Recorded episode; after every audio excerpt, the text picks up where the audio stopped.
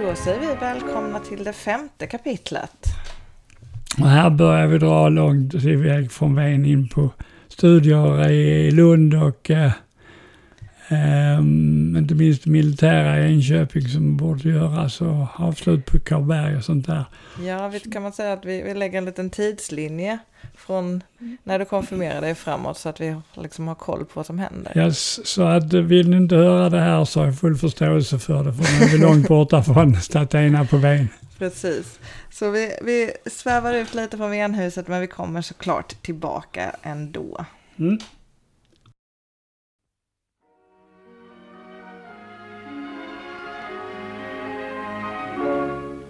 Flicka från Backafall, briggen tre bröder kryssar ikväll i Karibiska sjön. Medan en landvind från kusten i söder stryker som sunnan där hemma kring ön. Luften är kryddad av tusende salvor men jag ger bort den varendaste en. Mot att få vandra bland Backafalls malvor allt medan månen går vakt över ven men vi kan börja med, vi kan börja med eh, realexamen. ju. Det tog samma år att konfirmera 63. Och det var fem år realskola. Just det, för det var på den tiden det, var, det fanns två olika folkskola och realskolan. Ja, småskola först och sen folkskola. Sen skulle man ha betyg för att komma in på realskolan och sen skulle man ha betyg för att komma in på studentskolan. Eller eh, reallinjens matematiska gren, alltså tre år gymnasiumutbildning. Just det. Och, och det var ju i sista året som de hade högre allmänna läroverket i Ystad. Hade, alltså att de hade realen eller att de hade... Men det var skolan? skolan, högre allmänna, det var ett läroverk. Ja. Och då var det ju stränga puckar, inte som nu, utan dörrarna låstes klockan åtta. Var man inte där så fick man samlas hos rektorn. Släppte in dem en och en genom en dörr och så fick man en utskällning. Och eh, så att det var disciplin och kunskapen stod i högsätet ju. Det var faktiskt pluggskola, men det var faktiskt, man fick en med bra kunskap med sig. Hur ofta fick du hamna hos rektorn på morgonen? Ja, jag var i regel tid, eh, faktiskt. Eh, Det var så lätt att cykla genom Ystad ju.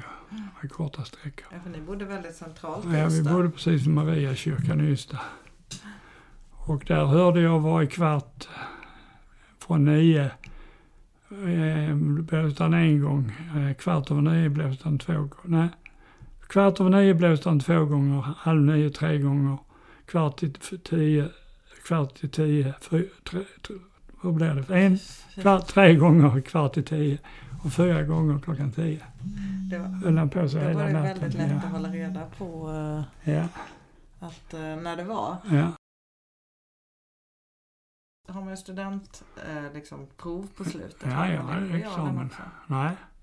Utan vi hade munta, fem dagar munta på studentexamen. Men inte på realen? Nej, Nej. Men så där var det varje morgon då klockan nio in och sen åtta. åtta. Och sen gick ni hela dagarna till... Ja, vi hade, nej, vi hade ingen skolbespisning så jag cyklade hem och mamma lagade mat där hemma för hemmafru. Jaha. Så slutade man vid tre, fyra tiden. Så alla, hade, alla åkte hem på lunchen? Jag vet inte vad de andra gjorde, men jag gjorde det. Men något fick, något fick de väl Ja, hemma eller så hade de niste eller sån här matpacke med sig. Så jag vet faktiskt inte. Men du hade det väl? Så, ja, väl förspänt, ja. Men och då blev det betyg och så. Hur gick det för dig i skolan? Uh, vi kan återkomma i ämnet. Nej men sen blev det ju det att um, eh, det blev inte så mycket ven ju för att uh, mellan första och andra ring så var jag i Tyskland en månad. Jag skulle lära mig tyska på en bondgård till en släkting som på Eilertsons sida som hade en, en uh, gifte sig med en tyska som hade en bondgård där nere, en rätt stor bondgård. Eilertsson är alltså din mammas Kerstins släkt. Släkt, ja just det. Ja, hur som helst var jag där nere en månad och... eh, På sommarlovet då? ja. Och det var en familj som hette Siebel. Mhm. Han eh, var flygare i Nazityskland och störtade på, eller och störtade eller blev nedskjuten på eh, krigets sista dag. Oj. Han hade en egen flygplanskonstruktion som hette Siebel också.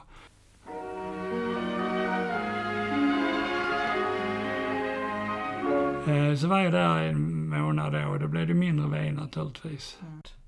Nej, alltså man såg inga spår av kriget ute på landsbygden där, det gjorde man inte. Och de hade väl väldigt snabbt kommit med Marshallhjälpen kommit igång igen. Mm. Vad Eh, fick du göra på bondgården då? ja, bo, jag vet inte, bonneri. en månads bonneri.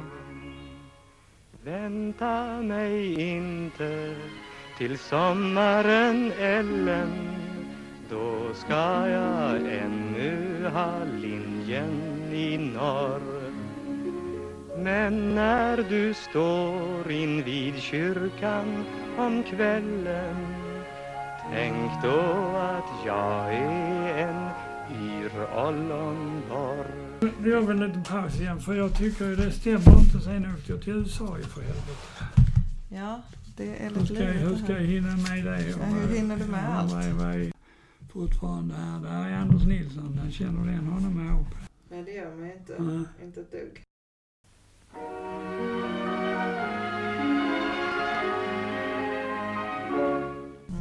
Ja, vi har fått gräva och rota lite nu här hur årtalen går ihop. Men då har vi en tidslinje då va? Ja, just det.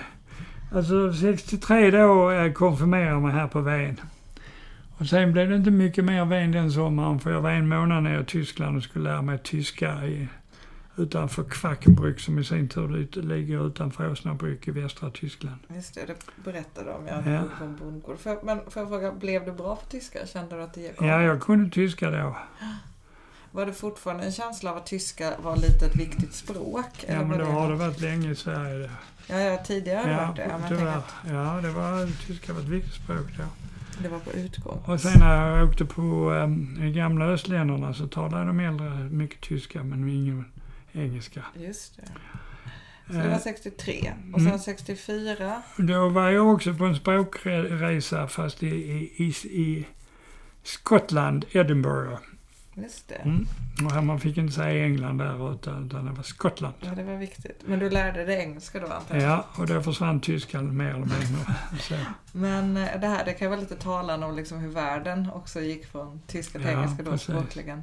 Men, men var, det, var det en arrangerad resa eller var det något din... Nej, det var en arrangerad resa som jag mina föräldrar hade, nej, som mina föräldrar hade anmält sig till. Okej. Så att, eh, ja.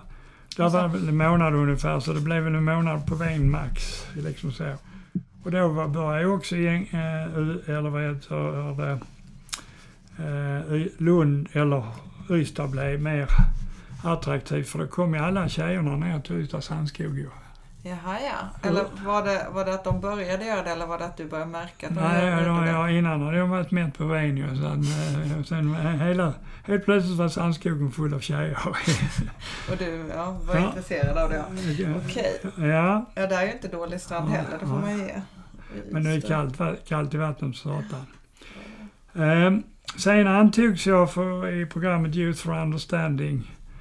Med, eh, Nu har du, får jag bara fråga, nu har du börjat på gymnasiet då, Ja. i våra, mina ord, vad heter det? Det heter... ja, det, gymnasiet heter det väl då också, men det är de sista tre åren i, på Höga Allmänna Läroverket i Ystad. Ja. Och då gjorde ett sabbatsår i USA då på, i program som heter Youth for Understanding. Hamnade i middle of nowhere i Des Moines, Iowa som ligger eh, alldeles västerut på Route 66 av Chicago. Hos en familj där som var general contractor, han var byggare. Och det var väldigt trevligt. Och Och då var du ett helt år där. Helt år i USA ja. Och det, så det blev inte mycket vin då heller. Sen så kom jag hem från USA med graduation eh, class of 66 i USA. Och ehm, då... Eh, Du kom hem på vårterminen då? ja, just det. Och sen så tillbaka till studenten. Då hade jag alltså två terminer kvar på studenten. I tredje ring hette det ju då. Första, andra, tredje ring. Och eh, Och då eh, tog jag då, eh, vad heter det, examen med en muntlig tenta då i en vecka. Mm. Och då jag spelade på golf första gången för jag tänkte det var trevligare att spela golf, sitta och läsa på tenta. Jag hade väl AB i snitt utom i engelska där hade stora A och sånt. Så hade jag något litet A också. Du har någon gång skrytit om att hade du försökt komma in på universitetet idag så hade det inte gått. Nej, det hade jag inte gjort. Eh, Nu gör vi en liten paus här.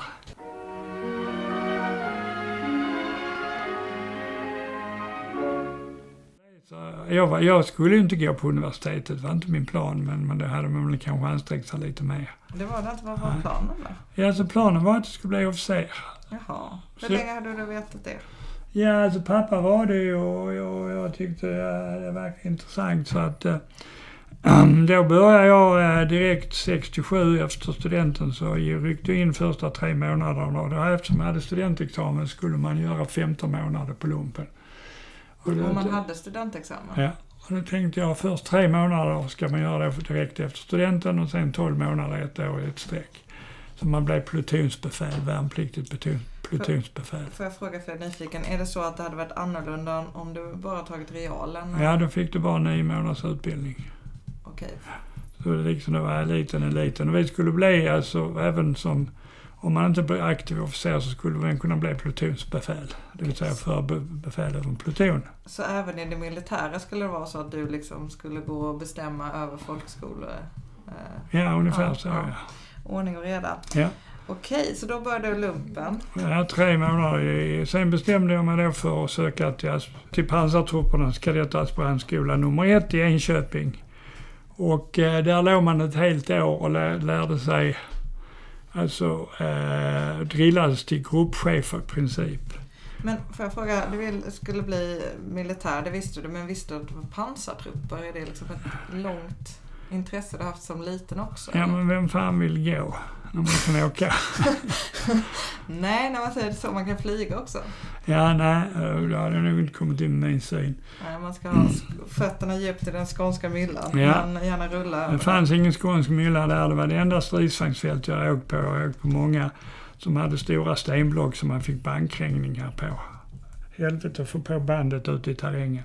Alltså bandet åkte av av dem. Och jag var pansarskyttesoldat och så fanns det stridsvagnssoldater där också.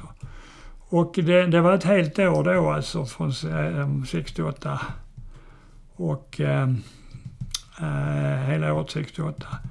Och sen så eh, eh, ett och ett halvt år blev det, ett år blev det väl för jag ryckte in där 67 och ryckte ut 68. Sen var jag nere på trupp sommaren 68. Och sen så eh, var det in på eh, pansartruppernas kadettaspirantskola nummer två. Mm. Och då skulle vi då utbildas till plutonsbefäl så att vi kunde föra pluton och hjälpligt föra kompani. Vilket var en intressant och grannlaga uppgift. Eh, Men den ägde rum då uppe i eh, Skövde som var en mycket trevligare stad att bo i också. I Linköping. Ja, Enköping, ja. Och, eh, och där bägge truppsko- pansartrupperskolorna gick ut som ettor på. Och, Snyggt. och där um, gjorde jag, vid den tiden gjorde snabbaste eh, eh, anfall av som kompanichef någonsin gjorts av de nyinriktade, inte de garvade gamla gubbarna, med grupperat artilleri. Eh, på, jag fick mycket beröm för det på PKAS 2. Du gjorde ett anfall som var väldigt hastigt och När man kommer i marschgruppering och sen så blir man påskjuten och så ska det rulla inom, med, hon hinner gruppera art- artilleriet och ställa upp, ändra stridsordning och så ska det rulla inom max en timme. okej. Och Då ska det gå fort som satan. Och det var du bäst på alltså? Ja, det var jag bäst på då. Imponerande. Jag förstår inte helt men det låter... Ja, alltså du var. kan föreställa dig att du ska ha underställd stridsvagnspluton. En- Tre vagnar och sen har du fyra pansar, 12 pansarskyttevagnar plus soldater plus artilleri. Så det är rätt mycket för ut på rätt plats på rätt tid. Rätt, om man rätt. Och sen ska man helst göra, alltså man ska ta tre, tre hopp. Alltså ta- beredd ta och ta nästa. Så man ska ha planlagt de tre rörelserna framåt. Det är som schack fast på riktigt. Ja, fast Ja. det smäller. Ja, du skjuter med lös ammunition. Men sen ryckte man in då på hösten, nej våren 69 till Karlberg och då började den riktiga officersutbildningen.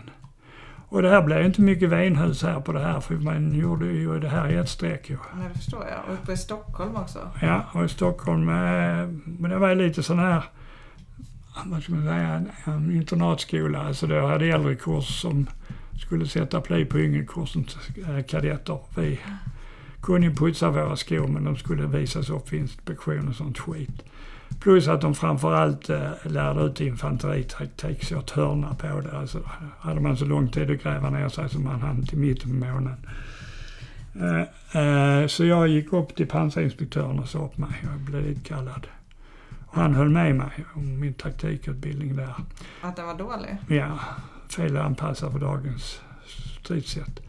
Eller den dagens stridssätt. Eh, men jag var med på det sista roliga, det var eh, motorcykelutbildning i Strängnäs en vecka. Det var kul. Det var skitroligt och vi hade, när vi ryckte in på Karlberg så fick vi varsin gammal Java. Och då kunde man köra på, bakom Dianas tempel där det nu går motorväg till Enköping, hade vi en egen motocrossbana att köra. Det gick ingen nöd på dig på fritiden nej. där uppe. Och Stockholm var ju roligt att vara i. Men du vet att det finns tjejer i Stockholm också? Ja, då, jag var ute och dejtade några där. Sen kunde det vara kadettbad, men då hade jag hoppat av. Hur som helst så... eh, Och det blev inte mycket ven då heller. Sen så flyttade jag ner till Lund Mm. och började då på ekonomilinjen 69. För att... Det var lätt att komma in där. Det var lätt att komma in på ekonomi. Men, Ja, alltså det var en, det var en stora grupper så att det blev väl det. men var det så att man fick gå och skriva in, alltså man fick gå till den institutionen man ville börja på? Jo, ja, det var upprop och det var jag träffade Nilsson, ATN och sen... Nilsson ATN? Ja, Anders Nilsson. Jaha, Han var ju, nej men nej, det var upprop ja, för fan. Det var det. Ordning och reda. Och sen så gick du med i Nation också och blev ganska aktiv där. Ja, köksmästare och borgmästare, ja. Sydskånska, som i Ystad hör till. Så jag. Okej. Tycker du ska grejer där? Nej. Vad sa du? När det ska handla om venhuset så kan man brodera hur länge som helst. Ja, men om man ändå är i farten så är vi ändå i farten Ja, tänkte jag. jag vet inte om vi är i farten. Till sommaren Ellen då ska jag ännu ha linjen i norr. Men när du står invid kyrkan om kvällen Tänk då att jag är en yr ollonborr som utan lov tar en törn mot din tinning och medan du med små händerna slår. Letar sig ner under bluslivets linning allt medan månen i malvorna går. Hur som helst så... Eh, och det var då jag träffade alla de här gubbarna som nu är gubbkuppen och som vi var på Busses 70-årsfest för fyra veckor sedan. Ja, för du bodde på samma korridor som många av dem. Många av dem bor, ja, HT, HK-korridoren 317. Vad, vad, vilken... Fällade, några fällade. Några fällor, det Ja. var det. Det är alla de här som, som är fyrkantiga. Ja, som så sitter ja. så rätt Ja. fula. Ja, det, är- det är Fyrklöverhuset, de. Där Okej. bodde familjer. Men vi bodde i korridorshus som hade fem, sex våningar. En korridor till vänster, en till höger. Och de har du hållit fast vid. Och Ja. vissa av dem har väl skaffat hus på Ven också? Och är på sommaren eller? Ja, Ricke till exempel. Ja, Men han bodde där bara en kortare tid. Men han var ju hangaround då liksom. han så. fastnar ju får man ju säga i ditt liv. Ja. ja, och sen så, då blev det ju lite mer ven men, men det var ju mest Guttan och Olle som tog hand om det då. Mm. Och då hade nog i dagarna farfar gått bort då, 69, 70 någonting. För han gick bort när jag läste. Jag satt vid hans dödsbädd. Farfar Sigge. Sigge, ja. Så att eh, det blev väl mer ven då, men då hade väl Lasse här också. Han bodde i Åmål. Så att, och, och mamma var ju här med, med, med Olle. Så att eh, det blev väl kortare besök då liksom så över sommaren. Och då gick ju också för, fick man betalt för att gå reservofficerskurs på utbildning. 4 500 tusen så var mycket pengar för två månaders tjänstgöring. Så det var ju det var mellan varje sommar liksom. Jaha, det var ditt sommarjobb. Ja, precis. skattefritt. Fyra och ett halvt år. Jag Rätt mycket tackar, pengar. jag Ja. tackar. Eh, ehm, och liksom därmed började ju en ny period sen när jag kom ut vid eh, 73, 74. Eh, då var du färdig som civilekonom. ja. Och då av någon anledning så halkade jag in på Erik Karpis Pictura Grafica. Eh, det Var det någon kompis eller hur halkade du in jag där? halkade in där via en fälla som jag hade haft då som hette Berit. Eh, vi bodde ihop ett slag men det gick inte så bra. Så, eh, och det, jag vet inte, det var inte den typiska civilekonomiska karriären. Det var mer att jag skulle titta mig omkring. Mm. Men sen så skulle jag då hitta en agent i Norge. En agent alltså till Till, till Ja. Pictura till Norge. Och eh, åkte dit och så tänkte jag det är ju dumt att bara åka till Norge utan att sälja någonting. Så jag sprang in med en massa bokhyllor och så. Men det var rätt roligt och sen... Eh, sen så eh, stannade jag kvar i Oslo och besökte alla de där Tanum-bokhandlarna som var en kedja. Så jag har aldrig sålt så mycket på hela mitt liv liksom. Så du blev liksom under den här resan då Osloagenten då? Nej, jag blev det ja, ungefär så. så att jag, vi snackade med Erik och det tyckte var kul att något själv. Så att jag ägde väl 49 procent av det bolaget. Vi bildade 5000 kronors bolag. Ni bildade ett bolag i Norge, Norge, då? ja, ja Ah, okej. precis. Och det var då som man fick 1,25 fick man för en svensk krona i Norge. Just det. Fem år senare flyttade jag därifrån så fick man 80 öre. Ja, nu är det ju tvärt, eller ja, nu har det gått tillbaka men innan var det ju tvärtom att 1,25 det var ju norska kronan mot svenska. Ja, det har varit så illa har det varit också. Ja. Så jag flyttade då till, och skulle hitta en lokal och flyttade till Oslo 1975. Och då blev det ju inte heller så mycket ven av det hela.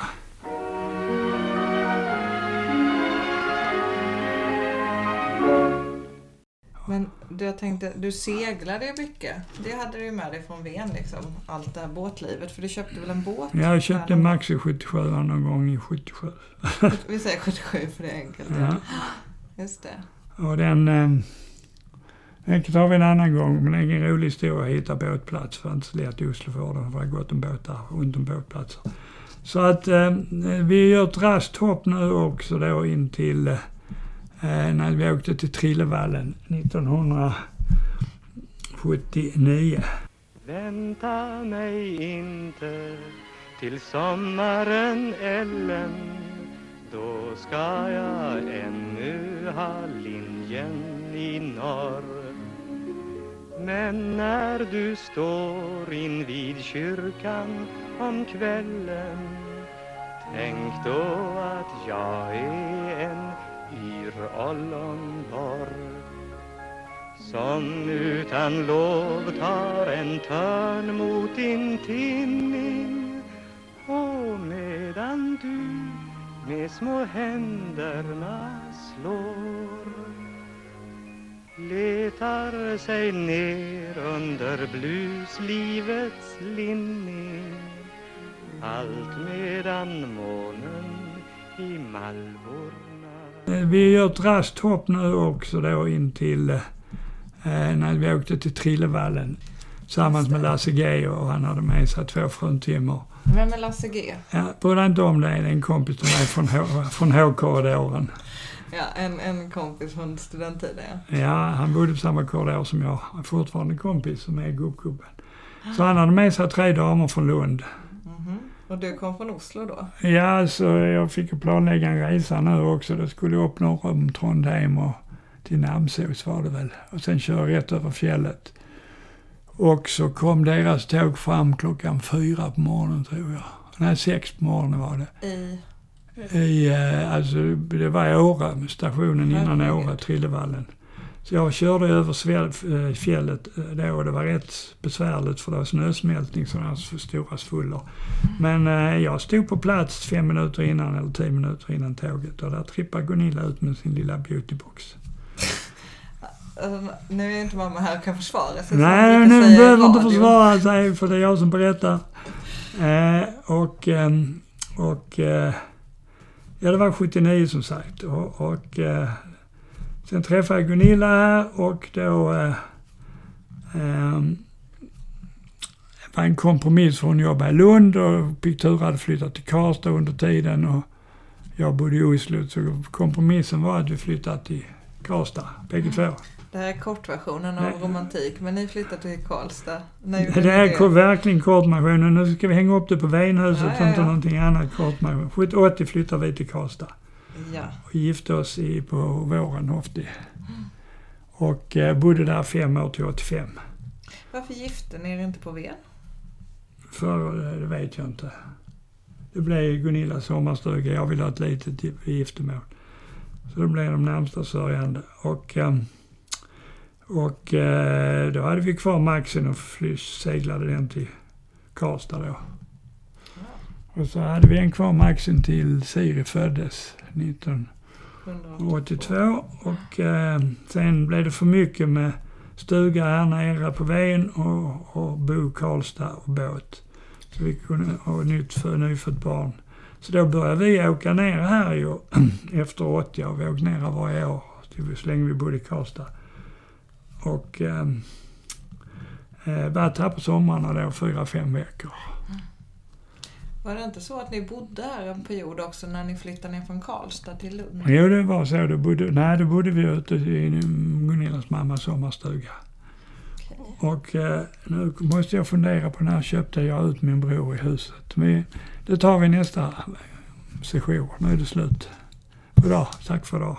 Känn att det blott är din gosse som sänder hälsningen att han som bärgad kapten landar en gång under Backafalls stränder allt medan månen går vackert över Ven.